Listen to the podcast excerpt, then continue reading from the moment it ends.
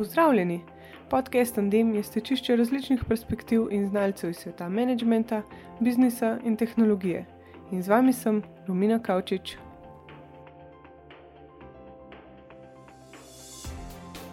Neuromarketing združuje vede neurologije, psihologije in ekonomije. Neuromarketinške raziskovalne metode naj bi s pomočjo pogleda v potrošnikovo miselnost omogočale boljše marketinške strategije. Metode lahko s pridom uporabimo za testiranje oglasov, zato sem želela preveriti, ali so v resnici bolj učinkovite od klasičnih marketinških in ali imamo v Sloveniji sploh dostop do drage tehnologije. Zanimalo me je tudi to, kako pridobljene podatke analiziramo in jih efektivno vključimo v načrtovanje svojih kampanj. Jurek Jakomin je trenutno Head of Growth v mednarodnem podjetju Solvana, kjer ustvarjajo platformo za skupinsko vodene meditacije. Solvana je del uspešnega podjetja Mindvoli, ki ima misijo dvigniti raven človeške zavesti. Trenutno imajo že skoraj 3 milijone aktivnih uporabnikov. Jure je končal študij psihologije in neuroznanosti, saj ga že od mladih nog fascinirajo ljudje in medsebojni odnosi. Pridobljeno znanje dnevno uporablja v marketinških strategijah. Zase pravi, da je šele na začetku karierne poti, a ima kljub temu za sabo že nekaj uspešnih projektov, tudi nekaj neuspehov. A skupek vsega ga je pripeljal do trenutne službe, ki združuje njegovo strast do psihologije, osebne rasti in spiritualnosti z njegovimi growth hacking veščinami. V prostem času prebira knjige, posluša podkeste, preživlja čas pod vodo ali pa odplava v svoj svet. Sebastian Jeretič je izkušen predavatelj in svetovalec na področju marketinga, volilnih kampanj in odnosov z javnostmi. Njegov fokus je grejanje komunikacijskih strategij pri vzpostavljanju osebnega znamčenja. Uporablja metode neuromarketinga in neuroretorike za analizo, strategijo in treninge. Z metodami neuromarketinga je eksperimentiral že v 90-ih letih, Danes z bogatimi izkušnjami točno ve, kaj je potrebno narediti, da ljudem informacije pridejo do možganov.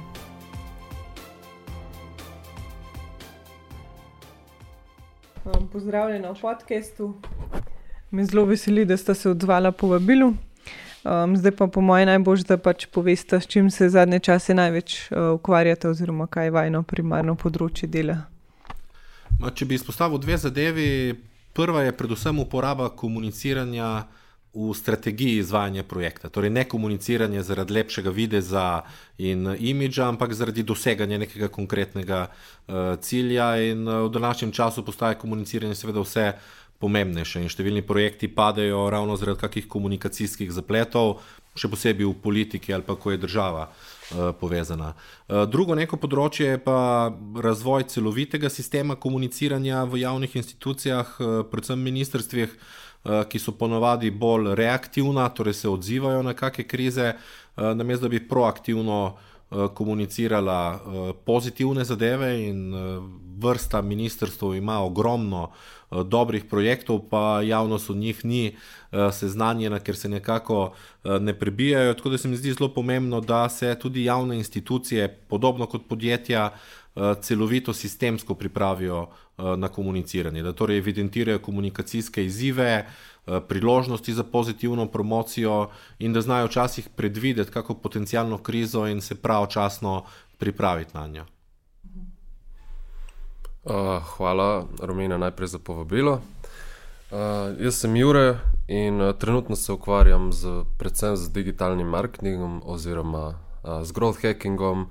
Uh, trenutno se selim na podjetje Solvana, ki se ukvarja z razvojem aplikacij za online meditacijo skupinsko in jim pomagam z vzpostavitvijo nekega celostnega procesa uh, za sustainable rast in pri tem tudi uporabljam uh, razne tehnike in znanja uh, in raziskave in probam sam razviti kakšne tehnike, ki sem se jih naučil pri študiju neuroznanosti in psihologije.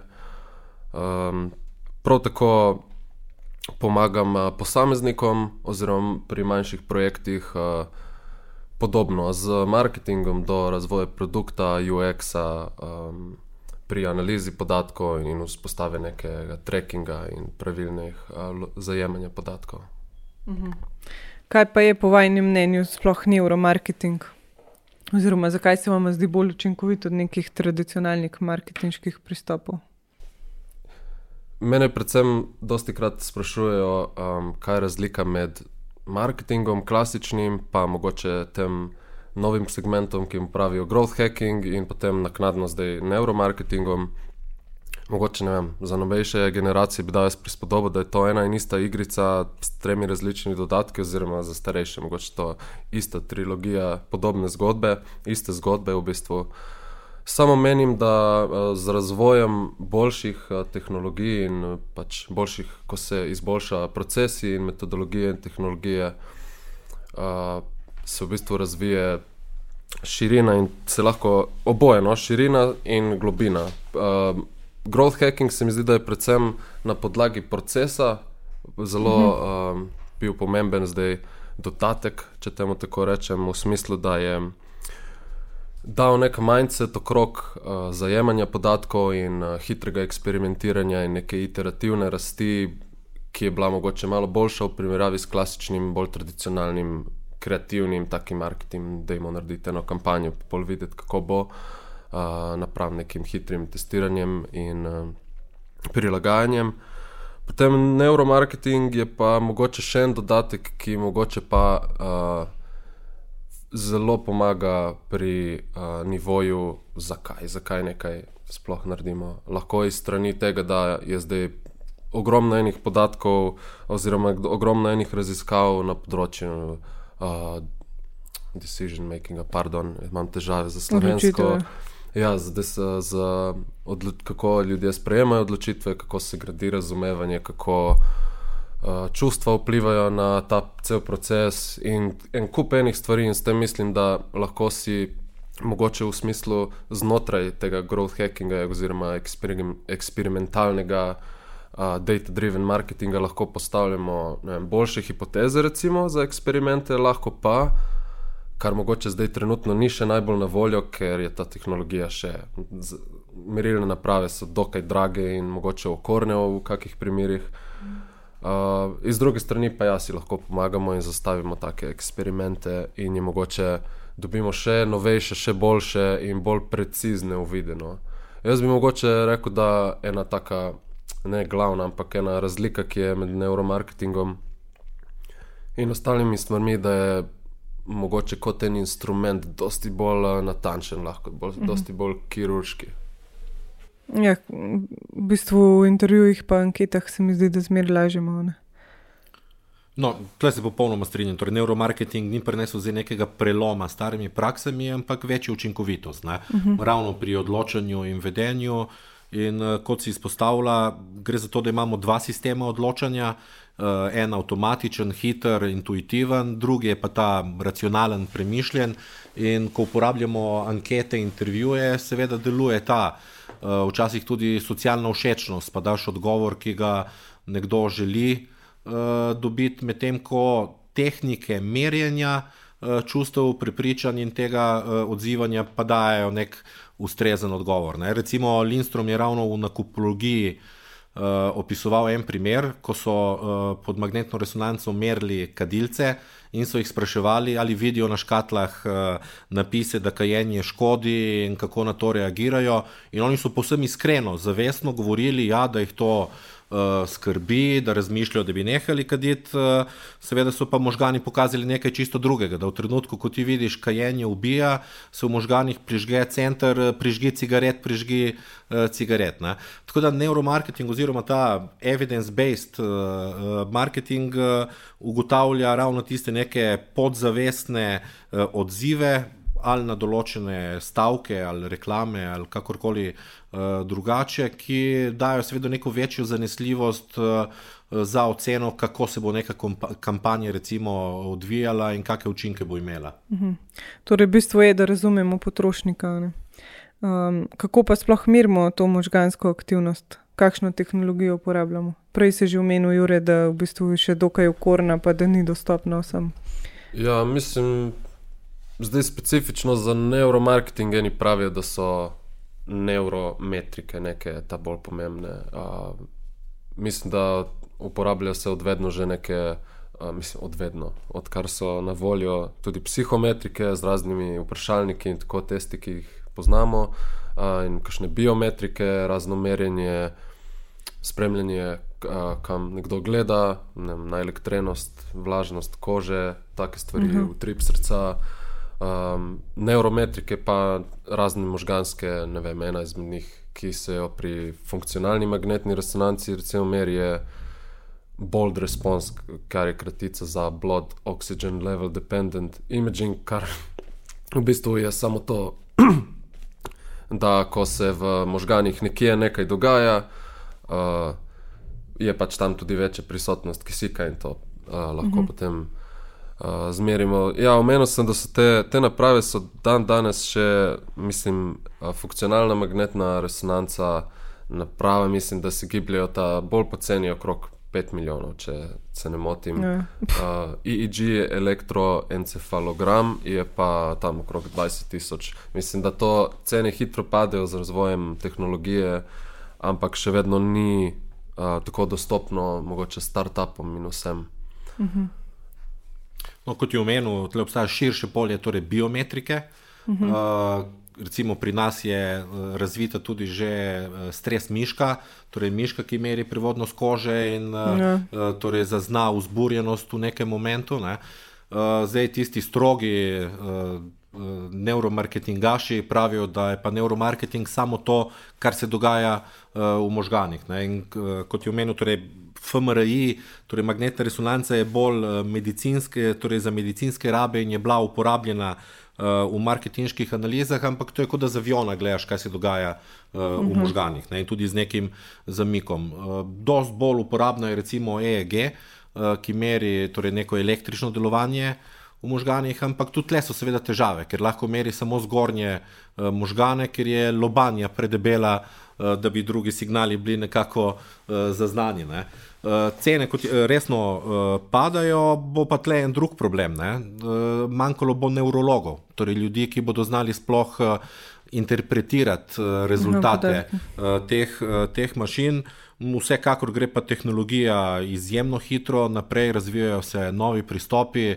Recimo Elon Musk celo skuša razviti neke vrste neuročipke, torej da bi nam pod lobanjo v možgane dali določeno Eh, torej nekaj eh, določen, eh, tako kot nek prtiček, ki bi ojačal signale, zaradi tega, da bi lahko z EEG merili tudi dogajanje v spodnjih možganjih, in da bi mogoče celo, kot je bilo v filmu Matrix, ne downloadali določene zadeve v možgane. To trenutno zgleda kot neka znanstvena fantastika, ampak tle gre tehnologija z izjemnim uh, korakom naprej, uh, ker je to nedvomno stoletje možganov. Ne. Milijarde se vlagajo v to področje, tako kot so se v prejšnjem stoletju vlagale v biokemijo, na koncu predvsem uh, v genetiko. In tle je pričakovati velike korake naprej v tem stoletju. Tudi z manj invazivnimi tehnologijami, ki bi omogočili, da se v realnem torej prostoru Eh, merijo določene reakcije, ker recimo magnetna resonanca, eh, tam je seveda to je zelo umetna eh, situacija, ko ležiš v tisti napravi, pa še brenči in je tako Vse zelo glasna. Medtem ko že EEG omogoča, da bi se tudi v realnem prostoru v neki situaciji določene zadeve merile. Sploh pa, če so še kombinirane z očali in z drugimi zadevami, ki pol združijo različne podatke. Uh mhm. -huh. Torej, v vsakem primeru, če hočemo imeti neke ključne podatke, oziroma smiselne podatke, moramo kombinirati s klasičnimi metodami.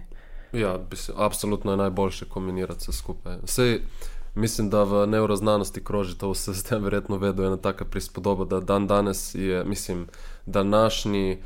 Današnja natančnost teh merilnih naprav je približno tako, kot da bi en kilometr od stadiona za poslušanjem uh, navijačev probo povedati, kaj točno se dogaja na igrišču. Aha, tako torej da, niso tako, tako natančni. Ja, v bistvu še... Zaenkrat smo še zelo daleč uh -huh. od mhm. res neke natančnosti, ampak je pa dovolj, da dvignemo učinkovitost eh, recimo, nekega pristopa. Ne? Uh -huh. Ampak moramo pa imeti še neurologa zraven za razvozlanje podatkov. Za določene zadeve zagotovo. Uh, to je neko specifično znanje. Vem, da je že v Sloveniji bil problem, ker imeli smo en sam laboratorij, to je Black Box, uh, ki je imel to opremo uh, z EEG-jem in glavni manjko je ravno neurolog. Ne. Oni so imeli srečo, da so imeli nekoga, ki je tudi zelo navdušen nad samim razvojem EEG-ja in algoritmov interpretacije. Uh, sicer je pa to največje pomankanje, ker že tistih nekaj nevrologov, kar je, se seveda ukvarja v glavnem z medicino. Uh -huh. Pri nas, yeah. Zdaj, v Ameriki, Nemčiji in drugih državah je lahko drugače, tudi zaradi tega, ker so uh, dosti večji trgi. Uh -huh. A pa imate mogoče kakšen primer zanimiv, kako se je neka kampanja po pač, teh rezultatih čisto spremenila? Uh, mogoče en primer tak zanimiv, bolj iz zgodovine. Uh, Um, en prvih, mogoče, ki je, ga lahko vrstimo v neuromarketing, je bil Michael Gadzaniga, to je en najbolj znanih neuroznanstvenikov, uh, ki je ponovil tako imenovani Pepsi Challenge. Uh, pred desetletji so v Ameriki uh, delali eksperimente v uh, trgovskih centrih, seveda jih je Pepsi izvajal, so ljudem mal zavezali oči, tako čisto zaradi atmosfere, in so jim dali probati Pepsi pa Coca-Cola. In uh, 80% ljudi je reklo, da je boljša Pepsi. In Pepsi je pol celo kampanjo, seveda na tem utemeljil. In uh, potem je ga za njega zanimalo, kako je to možno, da če je pa na trgu situacija popolnoma obratna. Ne? In je ponovil ta eksperiment s tem, da je dal ljudi v magnetno resonanco. In je ugotovil, da jim je dejansko boljša Pepsi, ker se je center za ugodje aktiviral, ko so probali Pepsi. Ne? Ampak uh -huh. pol je naredil pa naslednji korak. Pol je pa ljudem povedal, to je Pepsi, to je Coca-Cola. In v trenutku so se rezultati spremenili, in je bilo 80% ljudem boljša Coca-Cola. In iskreno, torej ne samo eh, socialno všečno, ne? ampak tisto, kar je bilo najbolj zanimivo v tem eksperimentu, je ugotovil, da že v trenutku, ko je rekel, to je Coca-Cola, so ljudje začeli vnaprej uživati. Je torej center za ugodje se že vnaprej aktiviral in je dejansko to kaže moč blagovne znamke. Ne? Ko si ti tak brand, eh, da ljudje že ob eh, tem, ko pomislijo na te, začnejo uživati, ne? Eh, pomeni, da si dosegel svoje. Dosegel si tiste avtomatične odločitve sistema ena in ni treba več niti toliko vlagati potem v pridobivanje novih ljudi, ampak samo v vzdrževanje uh, primata tvoje blagovne znamke. Uh -huh. je, kakšne raziskave se pa v Sloveniji največ delajo na tem področju, recimo z pač blagovno znamko, mislim za ta dolgoročni spomin, sklepam, da to testirajo ali za asociacijo čustva. Verjetno na področju TV oglasov največ. Verjetno. Uh, Black Box je dejansko bil edini resen laboratorij, uh, ki je delal te analize. Uh, problem je v tem, da se je specializiral zdaj bolj za medicinske, uh, medicinske testiranje in ne vem, ali so sploh še pripravljeni delati kako marketinško analizo, tudi zaradi tega, ker imamo mal premajhen trg in ker je bilo to kljub vsemu drago. To je stalo od kakšnih 20 tisoč evrov, je bila recimo analiza uh, ene reklame. Uh, Pričemer so, ko so ljudje gledali reklamo, za vsako sekundo natančno so merili pozornost, visoka, nizka čustva, pozitivna, negativna. Ne? Uh -huh. In mhm. potem so lahko ugotovili, da v eni reklami od ene minute je 20 sekund vrženih smeti, uh, ker ni nobene pozornosti, čustev. Zdaj, če imaš ti kampanjo, v kateri porabiš milijon za oglasni prostor, uh, da vržeš eno tretjino stran, seveda ni ravno najbolj pametno. Ampak en tak dober primer, uh, pri katerem sem bil tudi zraven, ravno z Black Boxom, je bila analiza, ki se je delala za Agencijo za varnost prometa. Uh, in sicer se je v realni situaciji, torej na cesti, sicer z avtošolo, uh, merilo, kako vpliva na možgane uporaba telefona. Torej, uh, šofer je vozil, inštruktor je pazil, da se ne bi ravno v koga zabil. Eh, v, eh, na zadnjem sedežu je pa, torej šofer je imel EEG na glavi, na zadnjem sedežu je bil nevrolog, ki je meril eh, reakcije, in potem je šofer odgovoril na telefon, napisal SMS in napisal post na Facebooku ali na Twitterju. Ne? In so bile ugotovitve.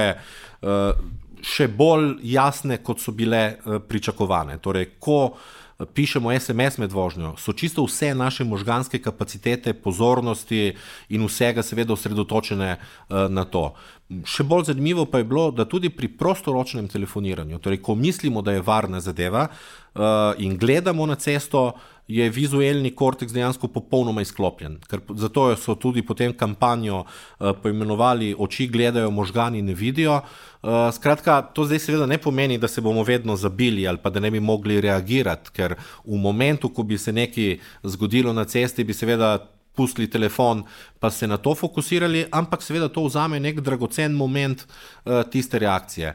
Um, ta akcija je bila zanimiva tudi zaradi tega, ker jo Agencija za varnost prometa lahko uporabi kot neko znanstveno utemeljitev uh, za spremembo kazni, recimo pri uporabi telefona uh, med vožnjo. In je bil tudi sam nevrolog uh, res presenečen, kako jasni so bili rezultati uh, te, te akcije. Mm.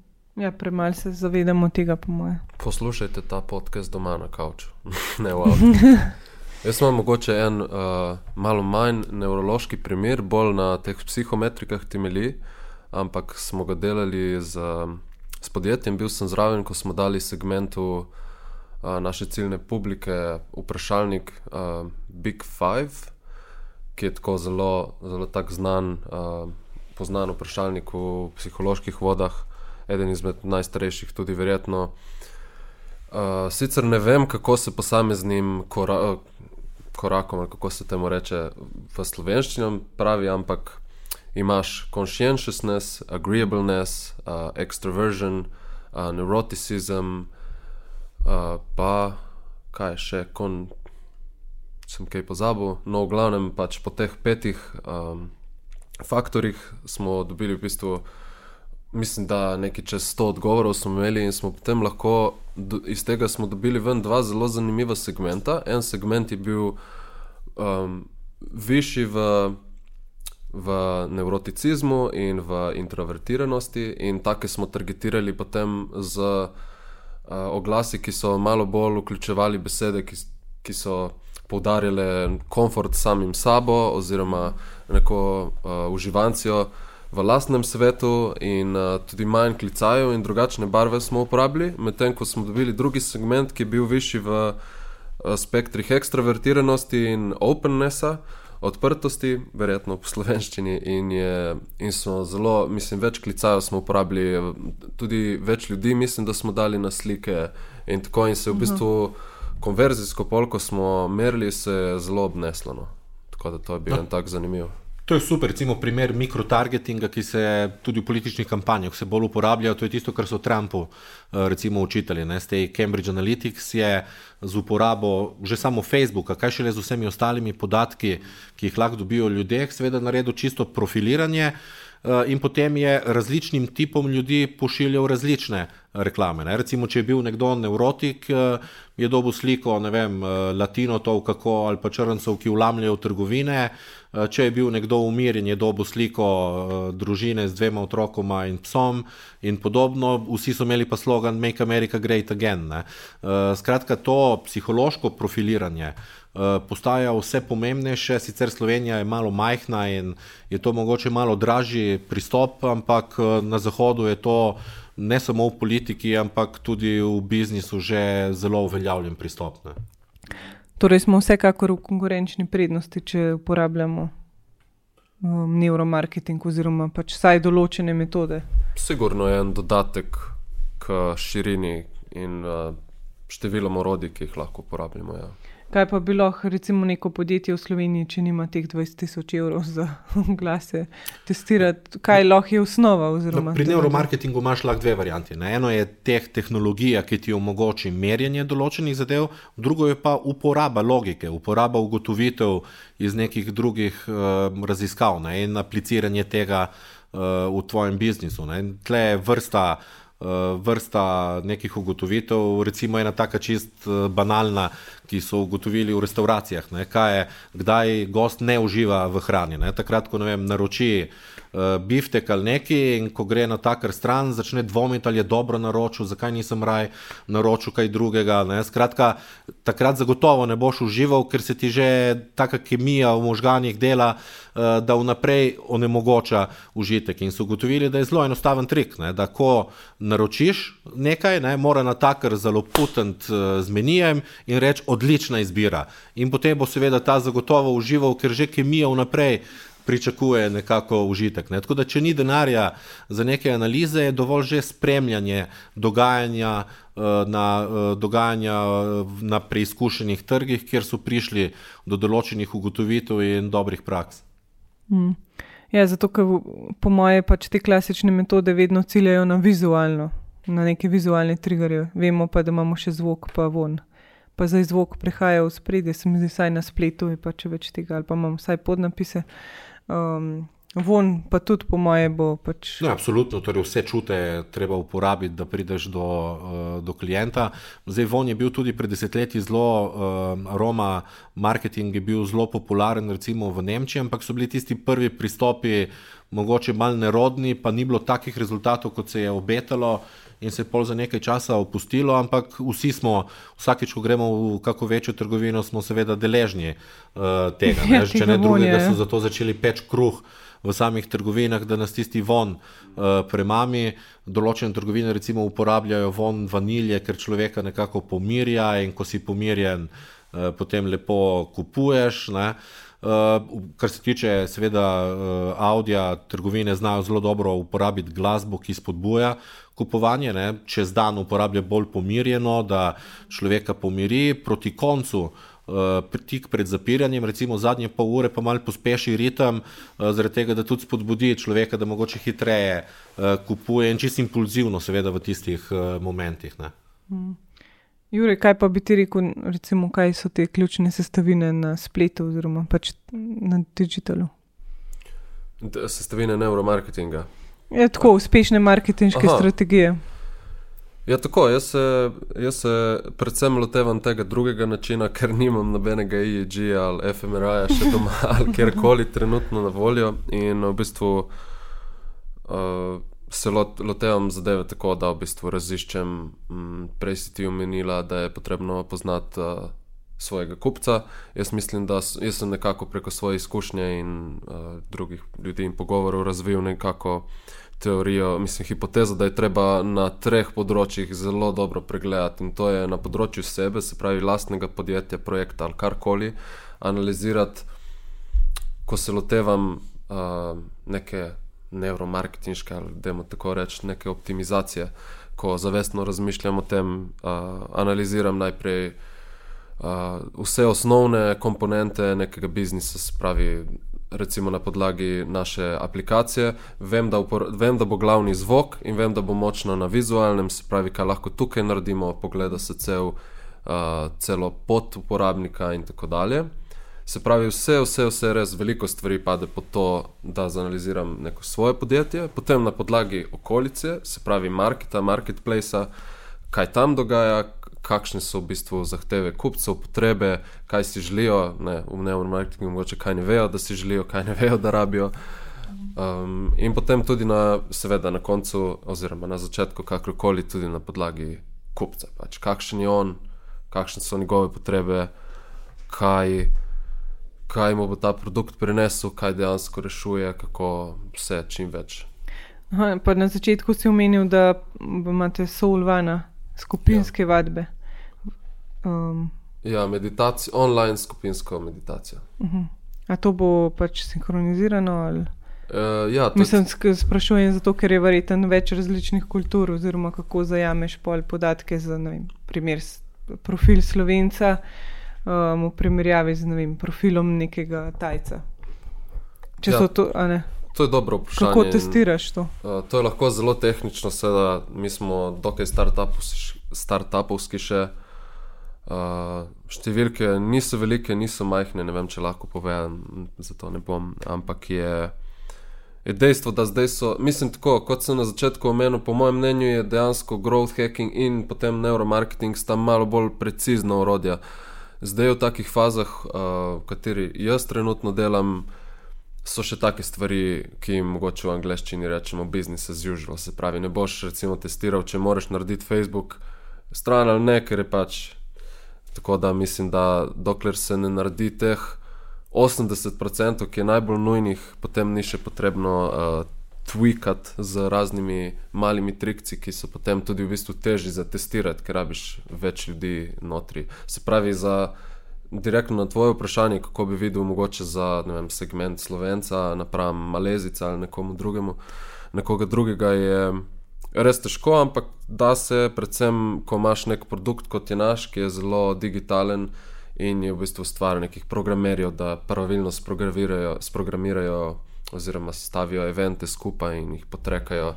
in da se to pravilno potem zajema, potem pa ko imaš, ko dosti faktorjev spremljaš in imaš dovolj podatkov, pa lahko v bistvu svašta delaš, potem če znaš, če si dober data scientist.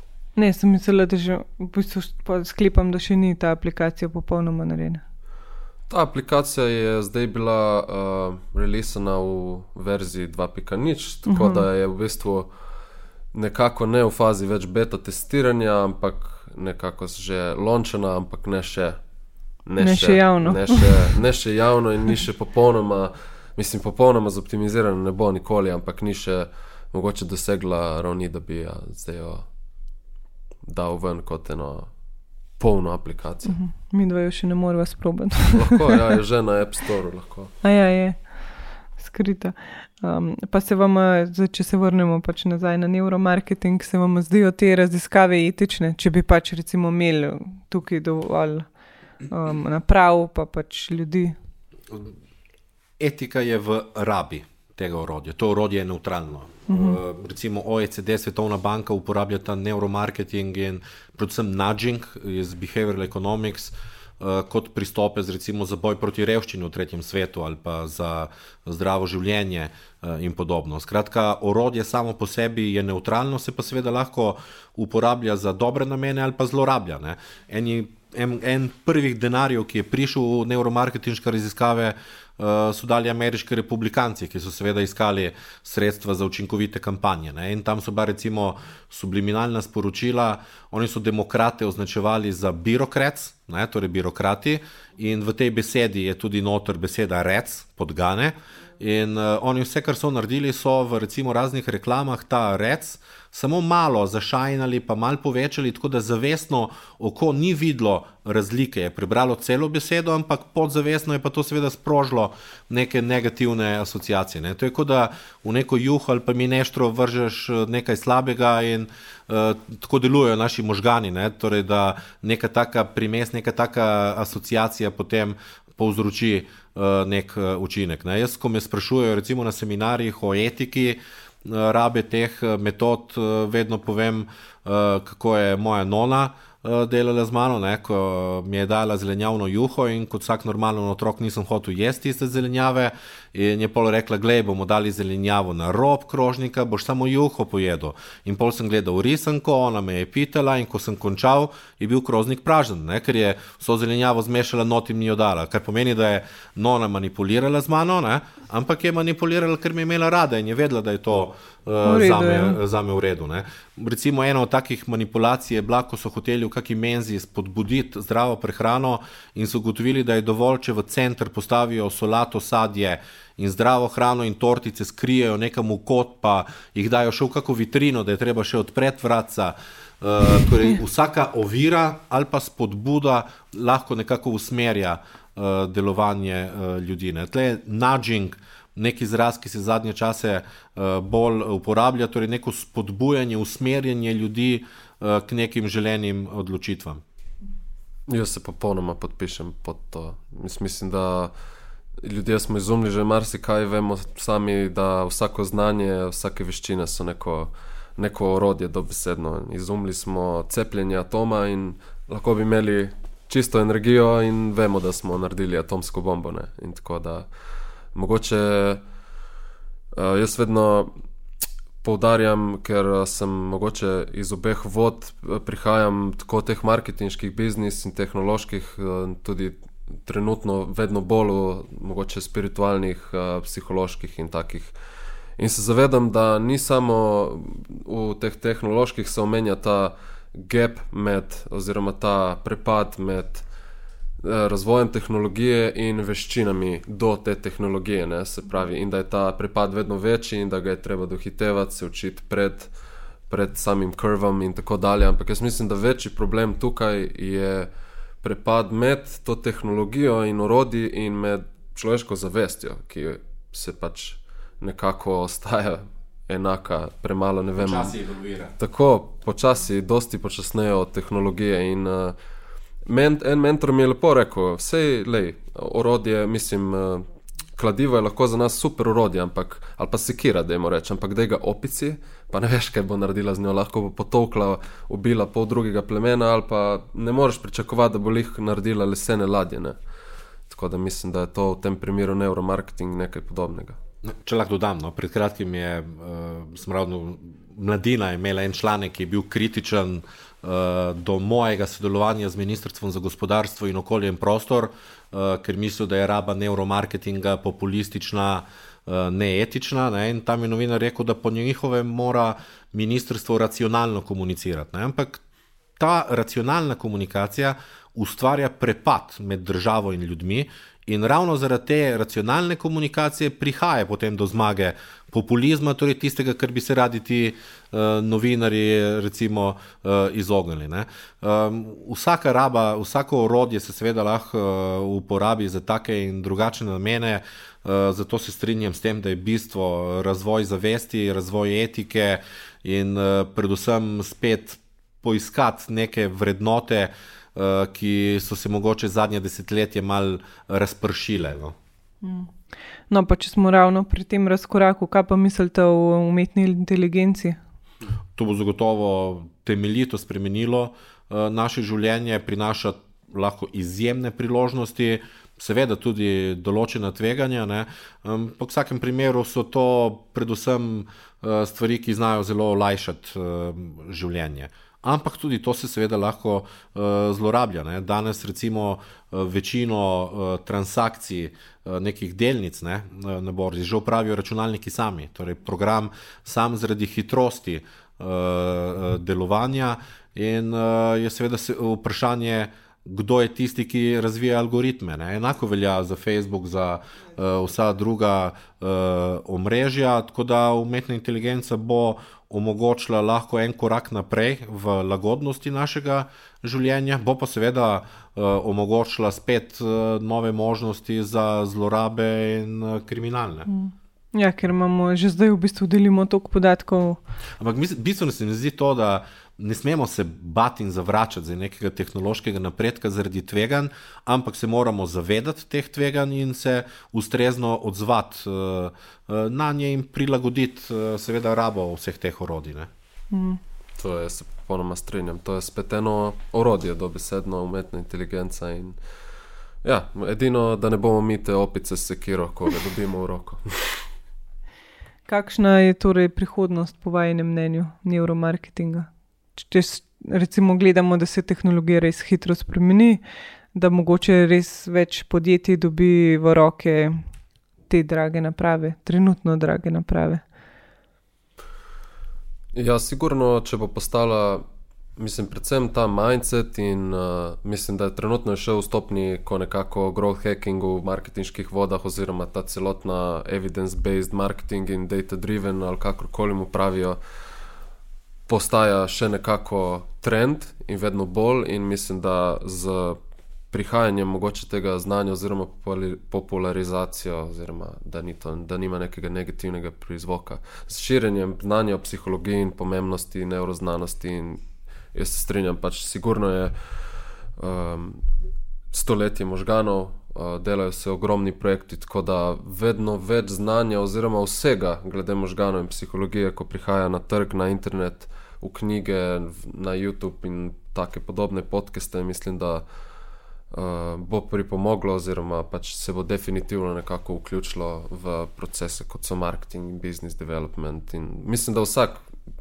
bi rad boljše poznal svoje kupce, svoj marketplace in svoje lastne, lastno podjetje, oziroma kaj dela. Tako da prihodnost, po mojem, je, zdaj pa je svetla ali temna, si pa ne upam napovedati. No, vsekakor bo postal redni sestavni del uh, marketinga, ne? vsaj določene ugotovitve uh, in prakse.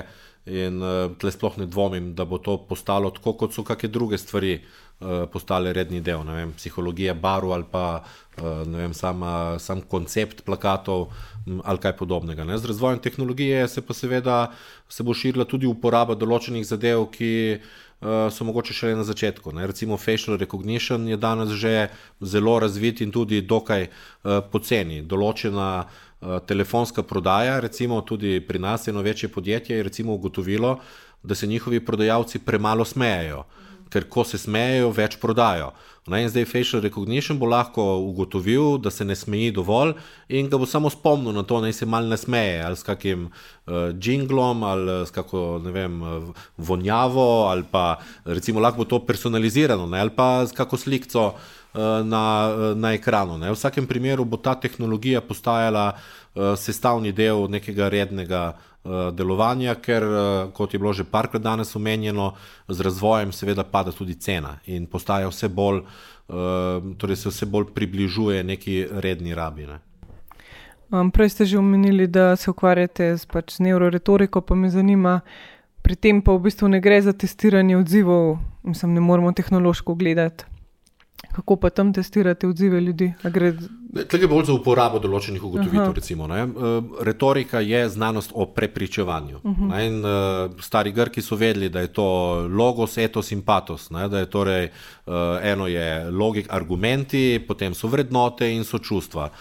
Zadnje desetletja ali pa mogoče zadnja stoletja uh, so nekako. Uh, poudarjala predvsem racionalizem in logiko, in neki klasični retoriki, tudi kakšni slovenski profesori, seveda ponorijo, ko slišijo za neuroretoriko ali kaj podobnega, ker zagovarjajo čisto logiko in racionalizem. Neuroretorika pomeni samo to, da se ugotovitve sodobne psihologije o tem, kako razumemo sporočila, kako, uh, kako sprejemamo odločitve in kako delujemo, uporabi v procesu.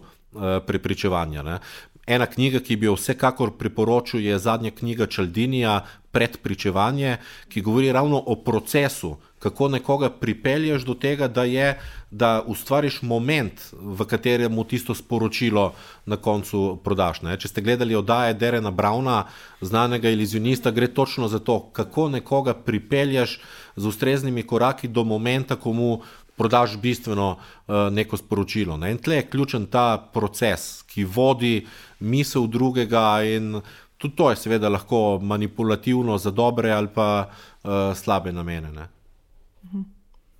Um, ki pa poslušalci lahko izvejo več o neuromarketingu oziroma pač neuroretoriki, kaj bi vidva priporočila kot je dober vem, vir znanja, knjigo, karkoli podcast. Hm, ja, moji viri so, mislim, sigurno uh, prva in pre, prepričevanje in predpričevanje celdinja, mislim, da, taki, da je taka Biblija splošno znana. Meni je bila dobra vod, uvod v neuroznanost in mogoče bolj tako biznis, uh, neuroznanost, knjiga Prikrito, uh, Inkognito od Davida Igelmana, potem uh, uh, blog.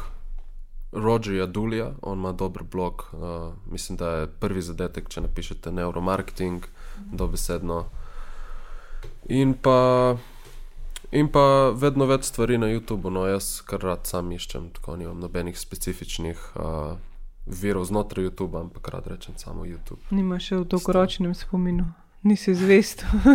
ja, en tak hiter vstop je lahko prek LinkedIn-a, Uh, obstaja cel kup uh, grup, uh, neuromarketing, uh, torej neuroscience in consumer psychology, in tako naprej. In tiste grupe zelo dobro, da jim reč, filtrirajo določene bloge, tekste, uh -huh. članke. Dul je zagotovo eden najbolj branih, ker na najbolj enostaven način uh, približa to znanje. Zdaj, če bi pa kdo želel prav neuroznanost, je v slovenščino preveden Damazijo. Uh, uh, ga za njega mislim, da ni preveden. V vsakem primeru bi pa mogoče celo bolj svetoval danes uh, vedensko ekonomijo, torej behavioral economics, tu je pa že nekaj knjig prevedenih v slovenščino, Daniel Kahneman, razmišljanje hitro in počasno je Biblija na tem področju, uh, potem je tukaj Denar Jeli, uh, predvidljivo nerazumni.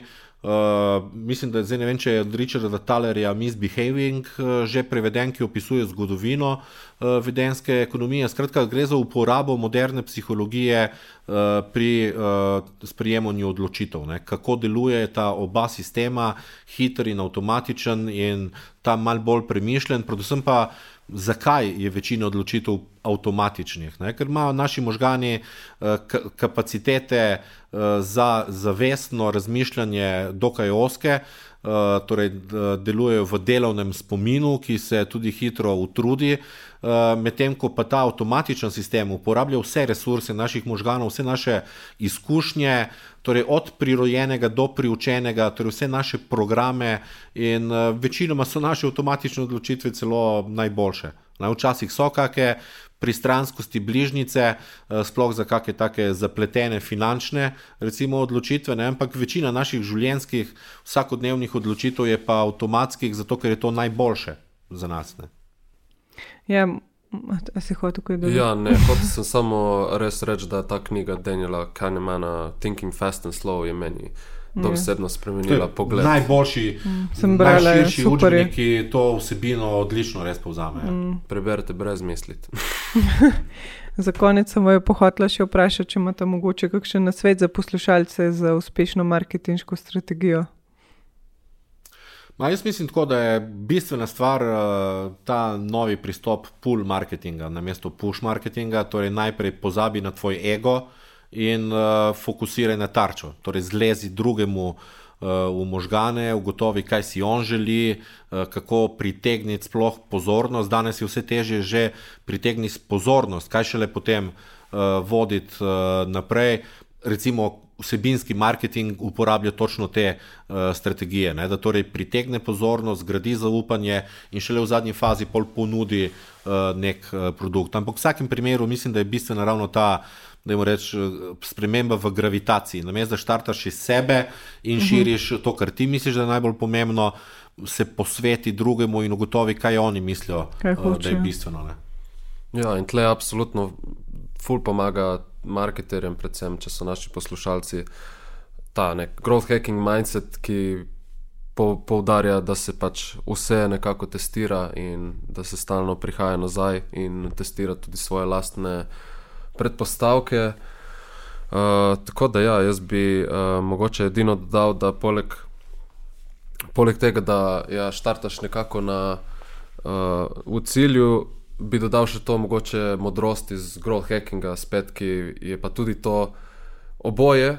Uh, tudi to, da se fokusiraš, ampak tudi to, da v bistvu izmal, mogoče to malo manj marketing del, ampak da tudi znotraj samega sam produkt razviješ tako, da bo v bistvu sam se širil, da potem da v bistvu ti ne delaš toliko naloge uh, prepričevanja, ampak da bo sam produkt, da bo ugrajeno znotraj tega že to. Mogoče tudi sam referral, vse, vse kar spada zraven. Jaz se v bistvu, da je tako lahek za uporabo, oziroma praktično ne vidim, da ja, je del življenja postane.